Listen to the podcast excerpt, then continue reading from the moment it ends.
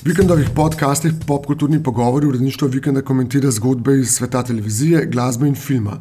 V današnjem pogovoru smo se lotili ozadja nastanka uh, in snemanja glasbe, zato smo v studio povabili basista skupine Sedarta, Janja Haceta. Pogovora pa so se odeležila vikendova novinarja in sicer tudi glasbenika Alen Stržaj, ki je basist pri skupini Bigfoot Mama in pa moja malenkost Robert Rebol, ki bo nam pri skupini Katalina.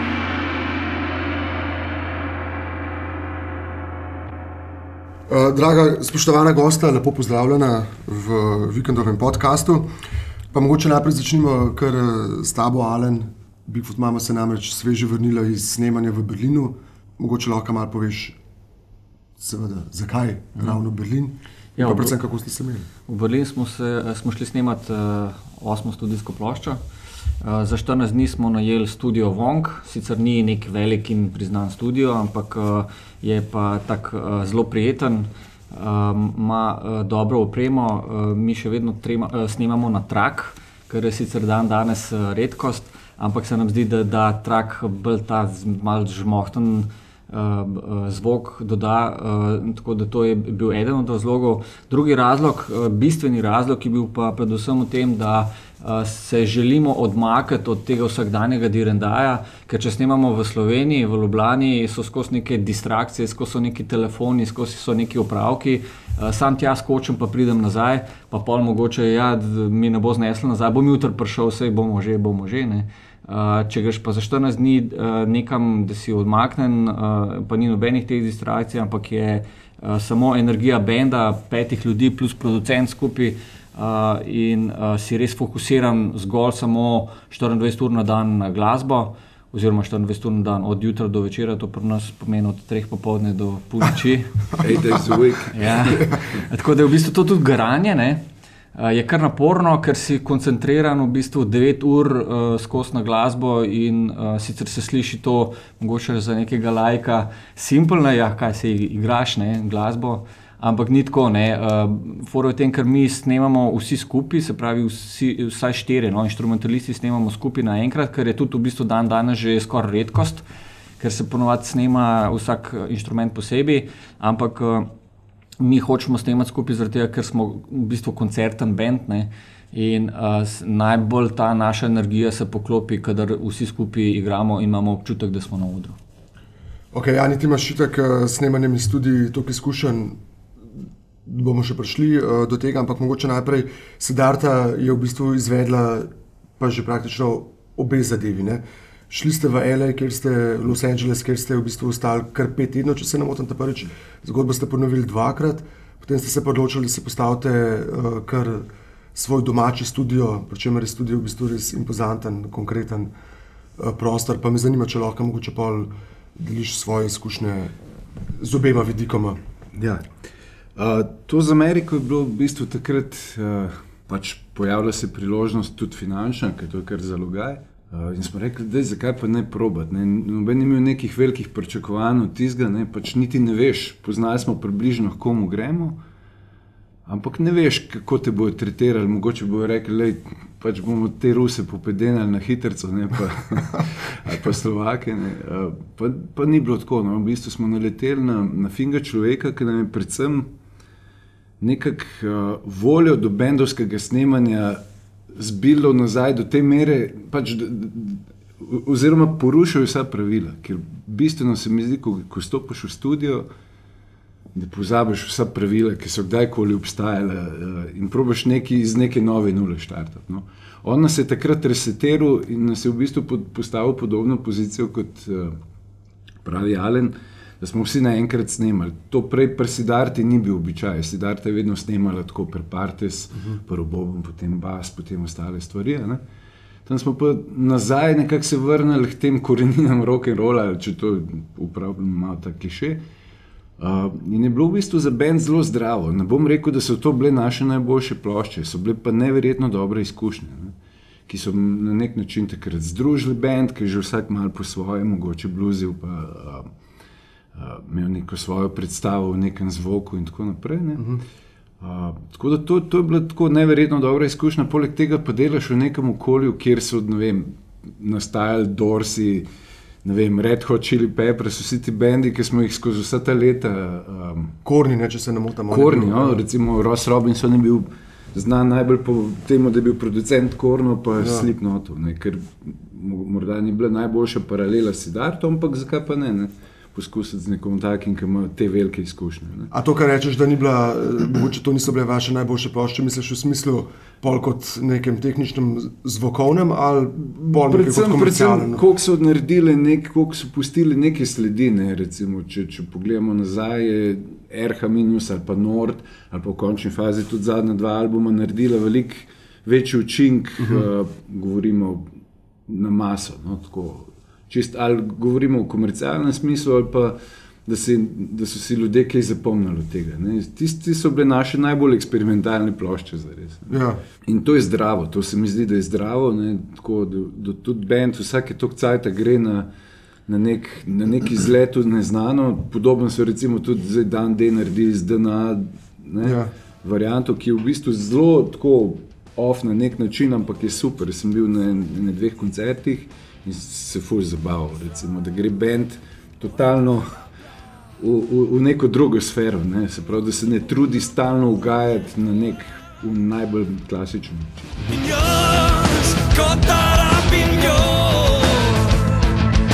Misli mi obračajo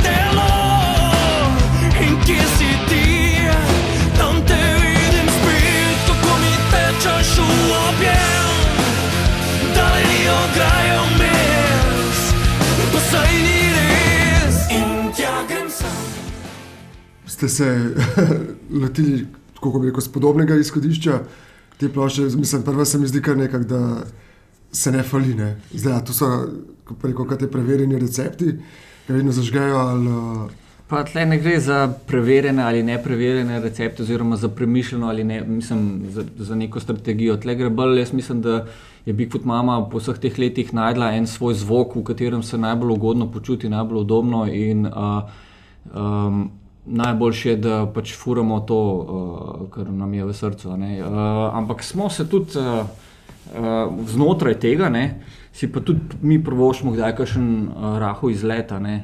Tokrat recimo, uh, smo se podali v raziskovanje orientalskih zvokov.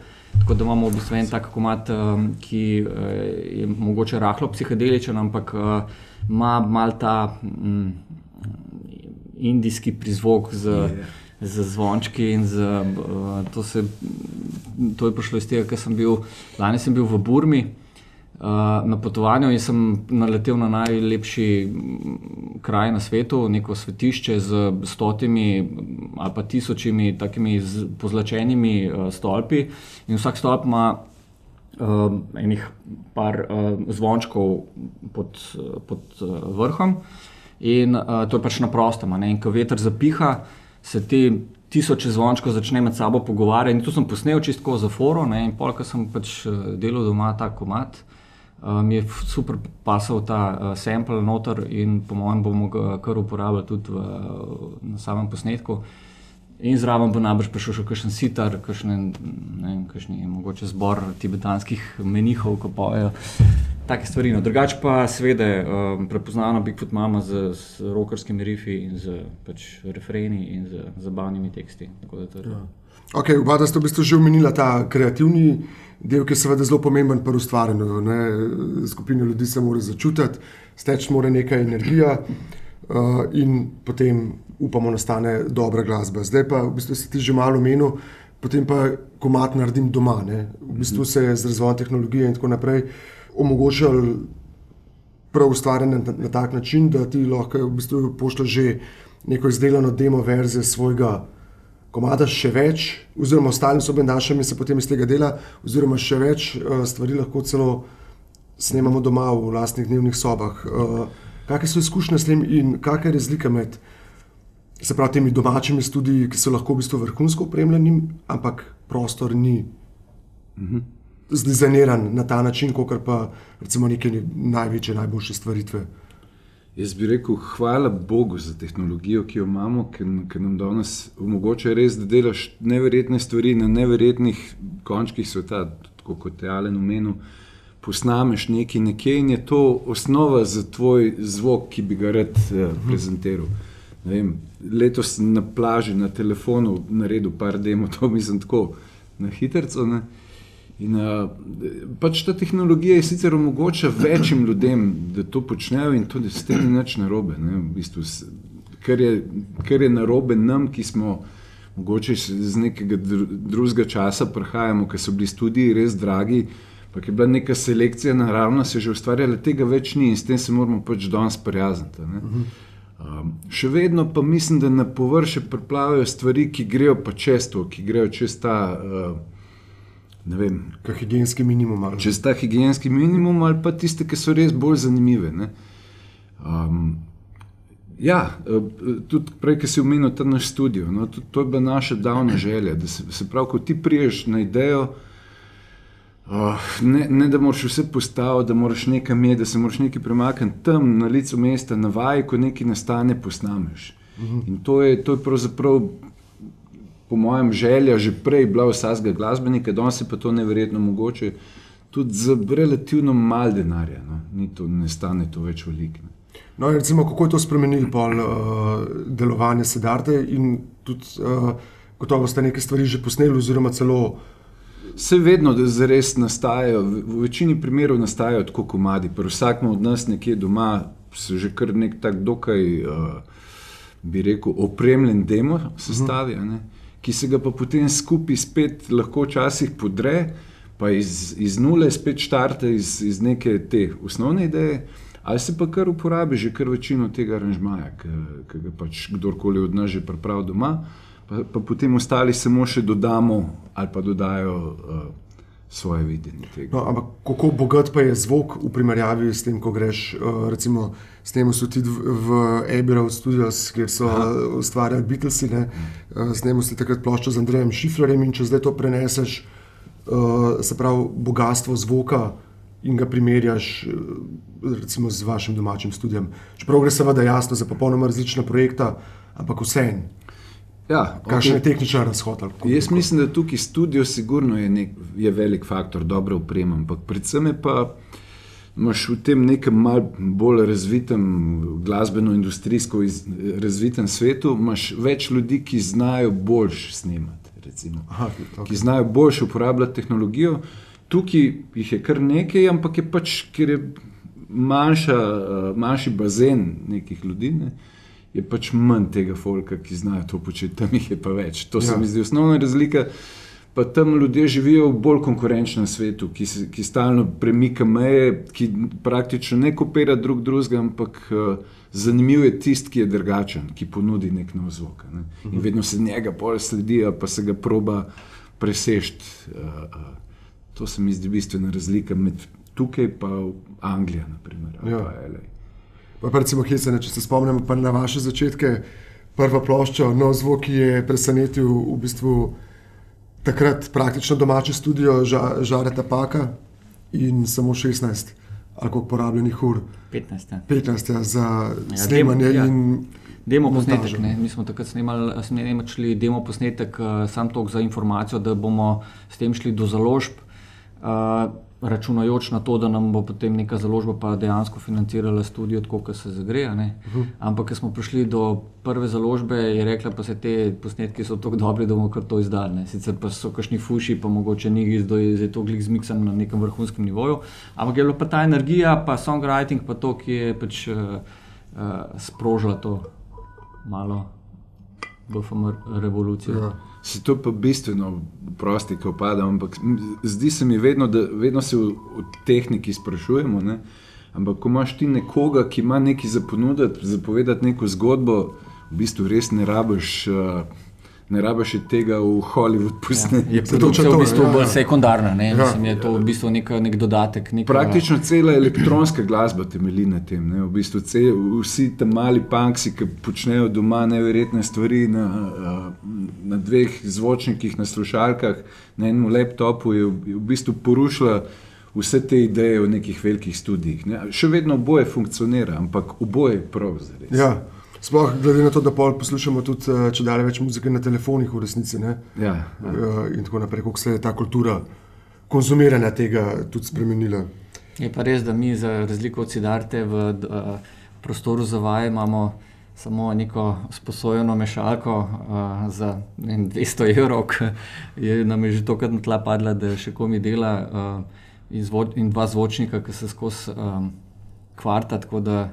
Se pravi, vi v bistvu nimate, nimate take želje, kot oni ne, ne, mi, mi tega ne vidimo tako. Uh, mi še vedno, um, nam je prostor za vaje, prvenstveno za delanje komadov, pa za aranžiranje.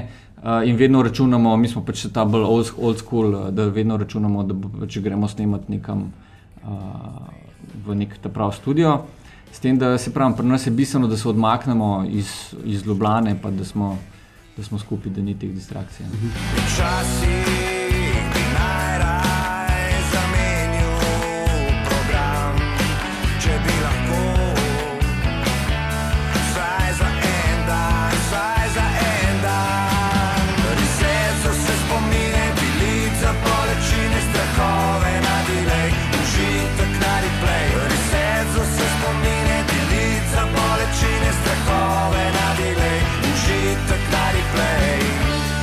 Ampak vse se mi zdi nekako, ne, kar je ta tehnologija prinesla v bistvu možnosti snemanja doma, ki se je na začetku poznala tudi v, bistvu v študijskem poslu, kot da so se zdaj te zadeve nekako malo nazaj opomogle in da še zmeraj.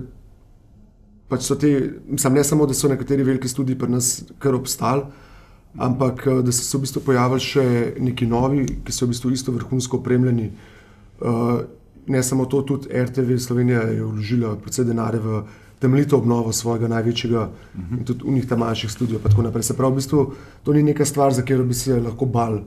Da, no, zamrla, seveda, da, da se razumemo, za posnet en simfoničen orkester ali pa en rock and roll band ali pa v končni fazi nek jazz kombo, je še vedno potrebno imeti dober prostor, dober studio, dobre mikrofone, um, dober monitoring. Uh, vsa ta, ta tehnologija je nujno potrebna pri tem, ne moreš brez tega. Mislim, mm. minili so časi, ko se je na en mikrofon vse posnel. Vse ostalo, ne, kar je pa predvsem elektronske glasbe, pa lahko narediš ti kjerkoli, lahko zelo tukaj pred sabo razgrnem laptop, da vas slušalke in se bo slišal noro dobro, mislim. DJ na avionih ustvarjajo na Tako, recimo, na letališčih naredi ja. praktično eh, cel svoj album ali pa ja. cel svoj set. Ne, tako da zelo različno. Odvisno no? od žanra tudi ne. Od, od... Za orkester porabiš dober prostor, dobre mikrofone. Orkester bi težko na letališču. Ampak, evo, zdaj, recimo, če, če vaju zovem, glih malo v tem smislu, da sta oba dva basista in da sem kar nekajkrat videl, ne, kako se išče, se pravi, res milozvočen ali pa inštrumentu prijazen prostor za bolj akustične zadeve, kot so se že omenil orkester ali pa ne vem, bobni so tak specifičen inštrument. Eh, pa tako naprej. Veliko sem videl, kako basisti pol snemajo tam v bistvu v kontrolni sobi.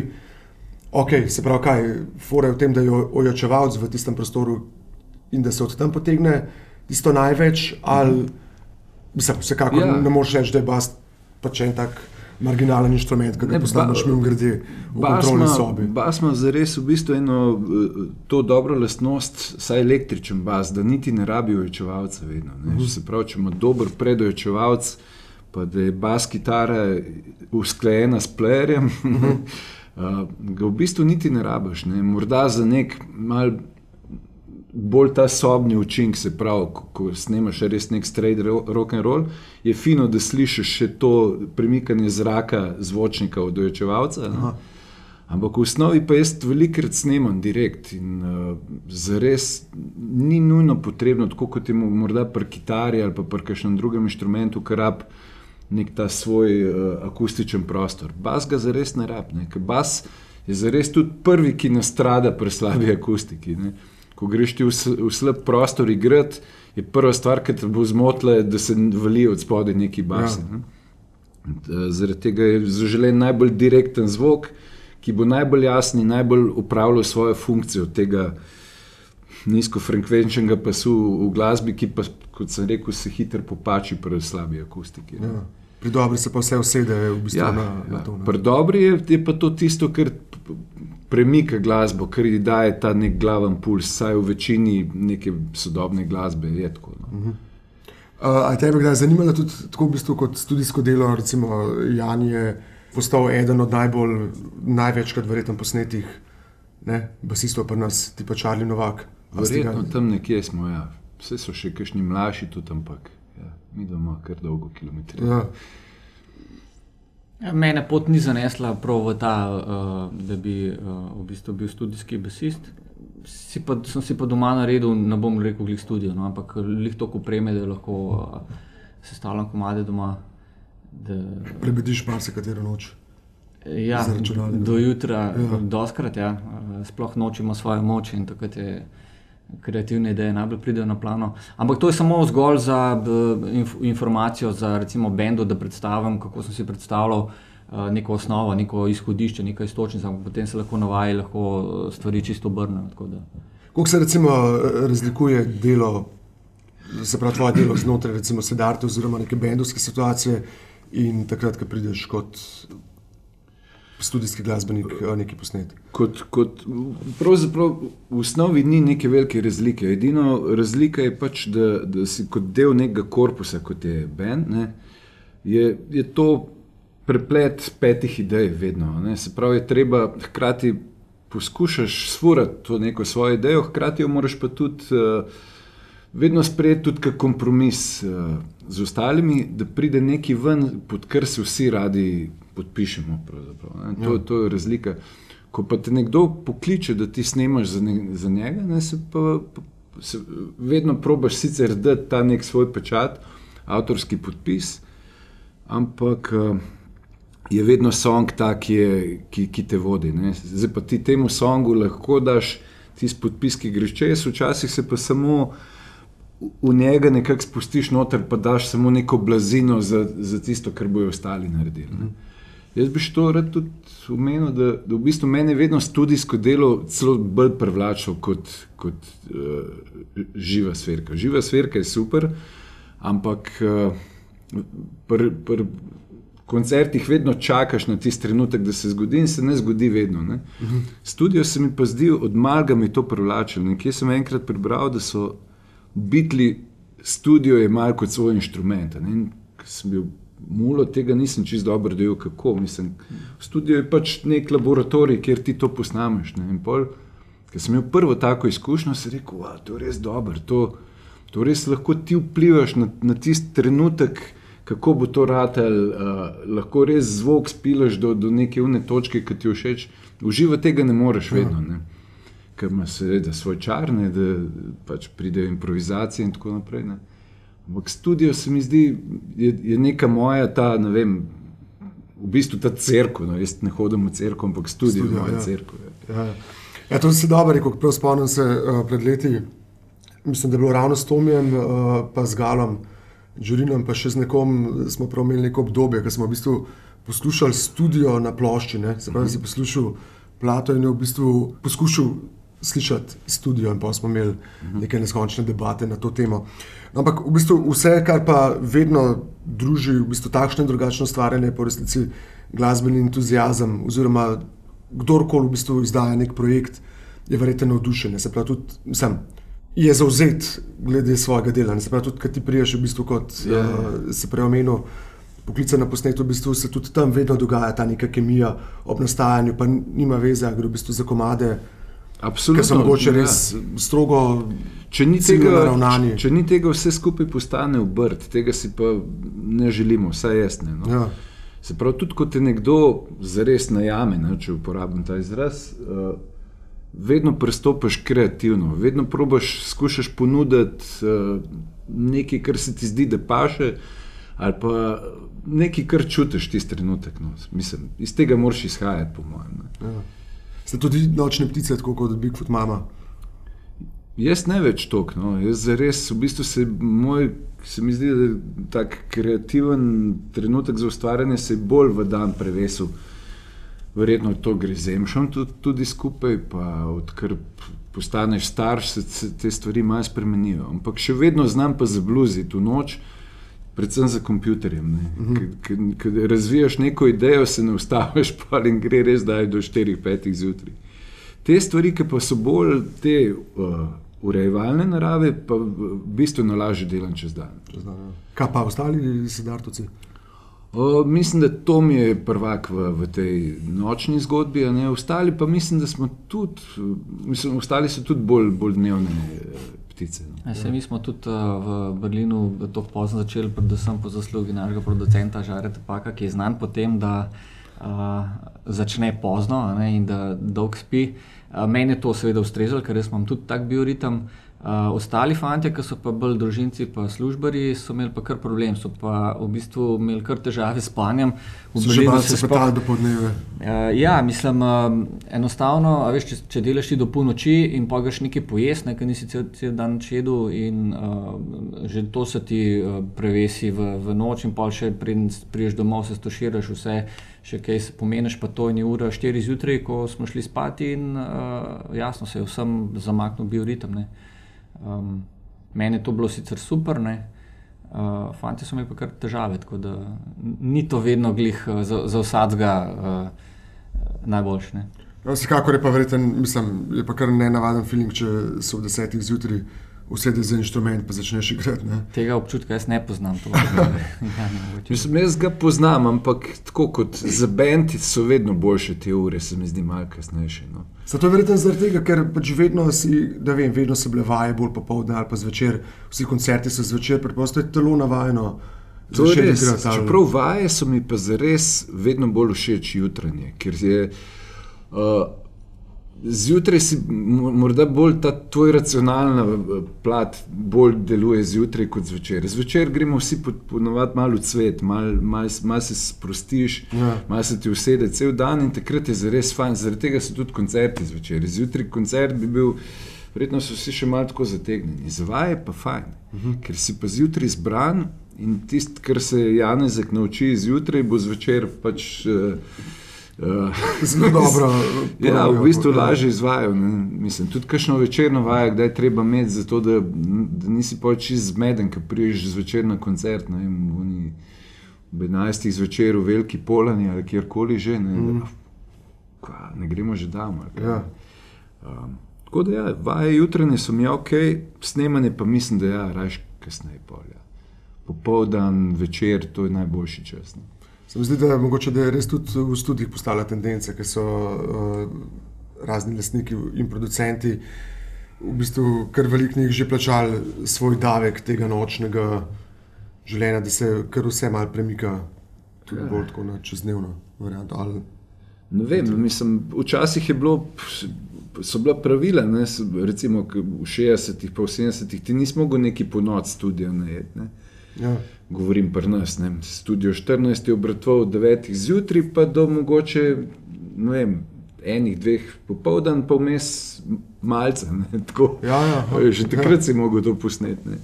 Tako da tudi te prvi lastniki studijev, ki so imeli, jaz se spomnim, ki smo hodili na snemanja, so v 9 zjutraj mogli biti tam. In najkasneje do 8-9 zvečer te vrgo ven. Pač to je bil un dan, za katerega je bil studio plačan, mm -hmm. gotovo. Ja, ja.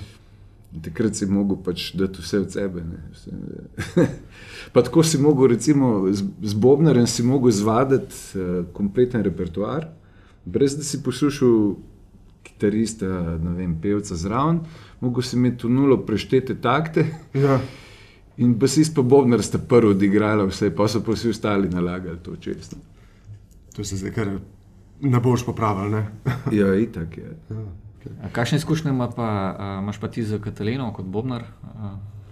Ja, mi, ma, mi smo pa zelo en tak uh, discipliniran bend. Uh, v smislu tudi tako, da se v bistvu veliko stvari uh, prepravimo naprej in zelo radi snemamo skupaj. Tudi naša glasba je nekako strukturirana, da prehaja iz enih občutij v druge in da se znotraj tega konteksta spremenjajo tudi malo te tempi in vedno najdemo umetno.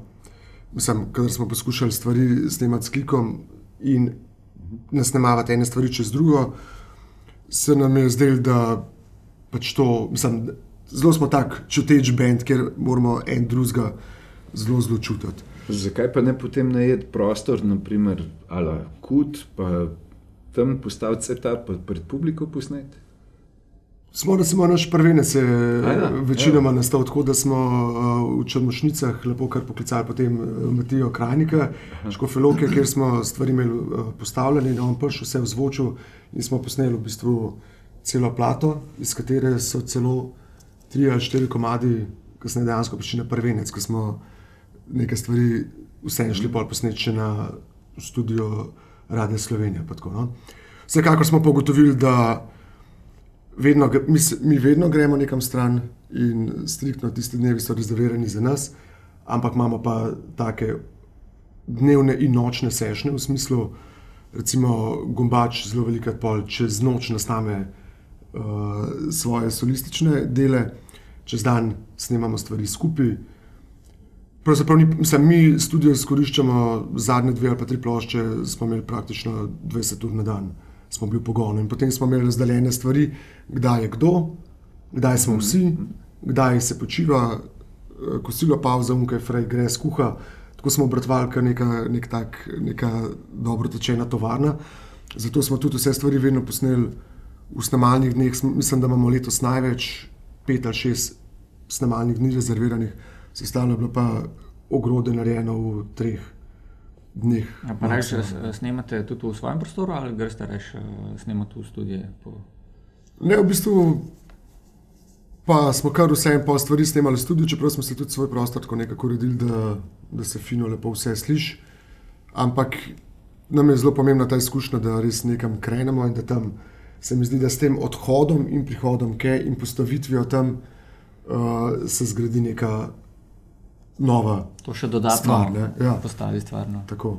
Ja, in s tem tudi super, ker se nekje časovno omejiš. ne. Meni se zdi, da je v, v, v poplavi vsega, kar imamo zdaj, se pravi tudi tehnologija in čas, uh, da se ful zdravo omejiti, včasih pa reči, ok, do tukaj bom uporabljal te stvari, ker če ne je zblazniš, ne, v Ja. bistvu lahko greš v neskončnost. Če to ne končaš. Ja, ja. Tako, ja, tako da se že veselim, gremo zdaj v studio eh, 1. do 6. decembra. Isto smo poiskali en tak studio, ki je dovolj velik, studio Jork v Dekanih, uh, kjer se lahko postavimo skupaj, se pravi tudi, da je klavir in bobni praktično eh, v istem prostoru. In potem pa lovimo občutke. To je to, kar znali bomo, pripravljeni bomo, zdaj pa res je treba, ne, se pravi, najboljši take je untake, ki največ da glasbeno, energetsko in tako naprej. Tisti mali detajlčki, ki so, to je pa v bistvu muzika. Ne. Dan, kakšen dan, mačka znova skoči stran. Vidijo vseh pet podgan, najbrž bom naslednji bran. Vidijo vseh pet podgan, najbrž bom naslednji bran. Kdor lovi, ne beži, kdor beži, ne zaspi. Se skriva, nič ne najde, le kdor išče, ta vidi vse. Kdor lovi, ne beži, kdor beži, ne zaspi. Kdor se skriva, nič ne najde, le kdor išče, ta vidi vse. Zoka, ja, kdo od nas bo pa v bistvu prvi zdaj pol ploščo? Ja, mi zgleda, ne? Kdaj? Oziroma, ja, mi imamo marc, eh, februar, marc, kaj pa vi? Mi imamo pa že naštiman datum promocijskega koncerta v Kinu Šiš, Šiška 6. aprila, tako da takrat mora biti vse stiskano in To je dan napada na Jugoslavijo. Točno to. In je dejansko povezano s tematiko naše nove plošče, tako da datum ni naključno izbran. Cool, cool. Ampak Katalina je bila vedno konceptualen bend in tudi tokrat je tako. Mi imamo pa uh, v načrtih, da se v začetku prihodnjega leta lotimo pač eh, zbiranja materijala in nekje do nekje druge polovice leta izdati nov album. Kaj bo tokrat trojni? A ne, ne, ne. ne. ne t- tak je bil dvojni, oziroma sta bila dva, je imel čist svoj pomen. Bila je 20. obletnica uh -huh. Sidarte. In da ne bi delali spet nekih velikih koncertov, nekih presežkov v tej smeri, smo rekli, da moramo 20 novih songov narediti, posvetiti 20 minulim letom. Ja. In smo v bistvu enemu letu potem spravili oba albuma skozi. Zato dobro, ne, kako je vedno znotraj, mislim, kako si bend vedno en tak drug izziv postavil. Recimo, mi smo za 15. obletnico Kataline naredili tako, da smo odigrali tiste komade, ki jih nekaterih nikoli nismo igrali za res na odru in smo dejansko sami sebe šli že spet uh, nekako skinevati in mogoče ene stvari narediti malo boljš, kot so bile takrat. Ene pa tudi ugotoviš, da uh, sploh ne znam skoraj več tako igrati, neko je bil v bistvu res en tak drug čas. Ne. Vi ste se lotili, recimo, obletnic, kot da so vam drugi. Smo vam drugi odigrali komade? Ne, ja, bil... ja, oba sta bila zraven. Ja. ja. Um, smo pa lani recimo, pa tudi naredili en poseben koncert samo uh, neznanih komadov, oziroma komadov, ki jih nikoli ne igramo v živo. Sicer je to pač uh, koncert za 200 ljudi, za tiste res največje fene, ki res poznajo vse komade, Ortobar in uh, je bila super izkušnja. Recimo, uh, feni so rekli, da bi njim je bilo to recimo, eden najboljših koncertov naših. No. Ja. Mogoče gre zaradi tega, ker pač uh, ne slišijo že une zlajnane in stokrat preigrane komade. Pa tudi uh, vsekakor je zihar zanimiv gledati bend, ki je pred nekim novim izzivom, ne, ki se je spet postal mal predstavi iz cone obdobja v neki noge, se mi zdi, da to pravi ljubitelji glasbe. Še posebej to ceno, ne, res to, to ja. ustvarjalno. Pa tudi, uh, pa tudi sam drugač primeš te komade, ker vedno, ker še en star komad uvrstiš, ki je bil manj zlajnan ali pa manj uh, izkoriščen igranja, je vedno nek dober, uh, nek tak pristen, nek tak iskren moment se zgodi. Predvsem je pa škoda, ja, predvsem je pa škoda, ker se mi zdi, da bendi eh, večinoma recikliramo v živo samo ene in iste komade. Ne? Uh, Máš pa recimo v svojem opusu toliko enih zanimivih komadov, ki mogoče niso prišli do velikih mas, pa niso postali hiti, ampak uh, ti jih je žal, oziroma uh, jih je škoda, da bi jih kar tako zavrgel in pozabil za vse večne čase. Ja.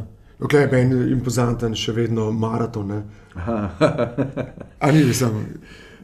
Lucidna ideja, ja, to, da greš in odigraš vse komade. Ja, zdaj bi bilo že, zdaj bi bilo že težko. Frka, ja. Ja, zdaj, to je zdaj v bistvu deset let že od tega maratona. No, ja, 2-7. Vmes so se zgodile še ena, dve, tri, štiri štiri plate, po mojem, ja. pa še kakšni te side projekti. Zdaj ne bi šlo več skozi, mojem, oziroma bi ta maraton trajal res cel dan. No. Cel dan, ja se doče to. Živno je bilo na robu, res, tako je, ja. pet ur ali koliko. ja. Ja, se takrat je prav poštejan bil, ne, uh, nekaj krči tudi. Ja, tudi to se je dogajalo vmes. Pač, ti moraš vedeti, da takrat je bilo dejansko igranje, čist, koncerta je bilo čistih pet ur, sigurno neto. Ja plus vse tonske vaje, tako da si res ne, ne, devet ur na polno. Vse, ja. To so zdaj, ki se spomnim nazaj, super. Ma, v bistvu, je se te stvari, ker uh, no, mislim, redkost, no, ne bi zdaj tega redno počel. Ja. Ampak me pa to zihar eh, spet vrne nazaj na to studio situacijo, kjer se pa tudi vedno damo ven iz te cone. Obdobje v smislu, da takrat, ko imaš omejen čas, ki ga res hočeš izkoristiti maksimalno, ko se daš več kot 100% noter, ki si že tudi ti preomenil, kakšno utrujenost je to, to je v bistvu noro utrujenost. Ja, ampak se tukaj tudi en, eno veliko vlogo prevzame producent, ki te v, v takem trenutku mora znati zmotivirati ali pa izspraviti iz cone obdobja. Nekaj, kar ti že navadil, pa rečeš, to je super. Tudi ustav, recimo, ko pade koncentracija, sploh pa rečemo v devetih urah, eh, ja. ki ti sam več ne veš, a je še to, to a, še, a ni to, to več. Pa recimo je on ta, ki, ki kot neko tretje zunanje uho, ki reče, evo, dosti je za danes, kar smo naredili, smo naredili, bomo jutri. In pa prideš jutri, naslednji dan, tebi se zdi, da si odigral isto, ampak ne, producent pa sliši, da je to čist nekaj drugega slika. Ja. Vedeti, kdaj, kdaj nehati, je pravzaprav kar. Uh, nam reko umetnost, ampak dober skill, no, ja. prav, ki ga producent rabi. Ali pa da te spravi iz te komfort cone, ne, ti si nekaj navežbo in se ti zdi, da je to super, pa še v komat, nekdo pa sliši, ja, v redu je, ampak da povej mi še kaj drugega. To bi vsak zaigral, recimo. Ne, aha. Zdaj gre tako, kot bi en saksofonist zaigral. Naprimer, ja. pa, aha, kako, zakaj? Mislim. Zaradi tega, ker se išče nekaj novega. Ne? Tukaj se mi zdi pomembna vloga producenta, da te zna spraviti iz unga, iz, iz unga školkice tvoje varne. Ja, ja, ja. Velikrat to zaleže. Ali pa da, če vidiš, da si na dobri poti, da ti da samo raubarsko, da te spravi čez unga ograjo mm. in gremo ne? do končne zmage. To res je. Ja, krasno, mislim, te debate so seveda tako vedno zanimive. Upam, da tudi poslušalci vam, ne samo nam, upletenim, Da, hvala za vašo pozornost, eh, draga gosta, hvala za vajen obisk. Hvala tebi. Hvala tebi. Ja. Ja, in naslednje in naslišanje. Ja. Čau, čau. čau. čau.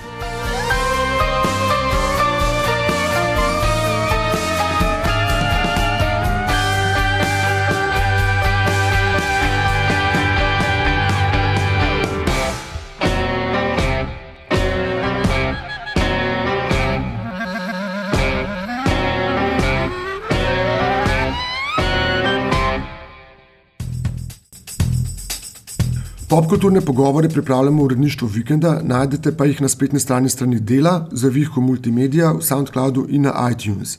Vikend izhaja ob petkih kot priloga dela in ob sobotah kot priloga slovenskih novic, na spletu pa nas najdete v sklopu delo.si in slovenske novice.si, na Facebooku, Twitterju in Instagramu.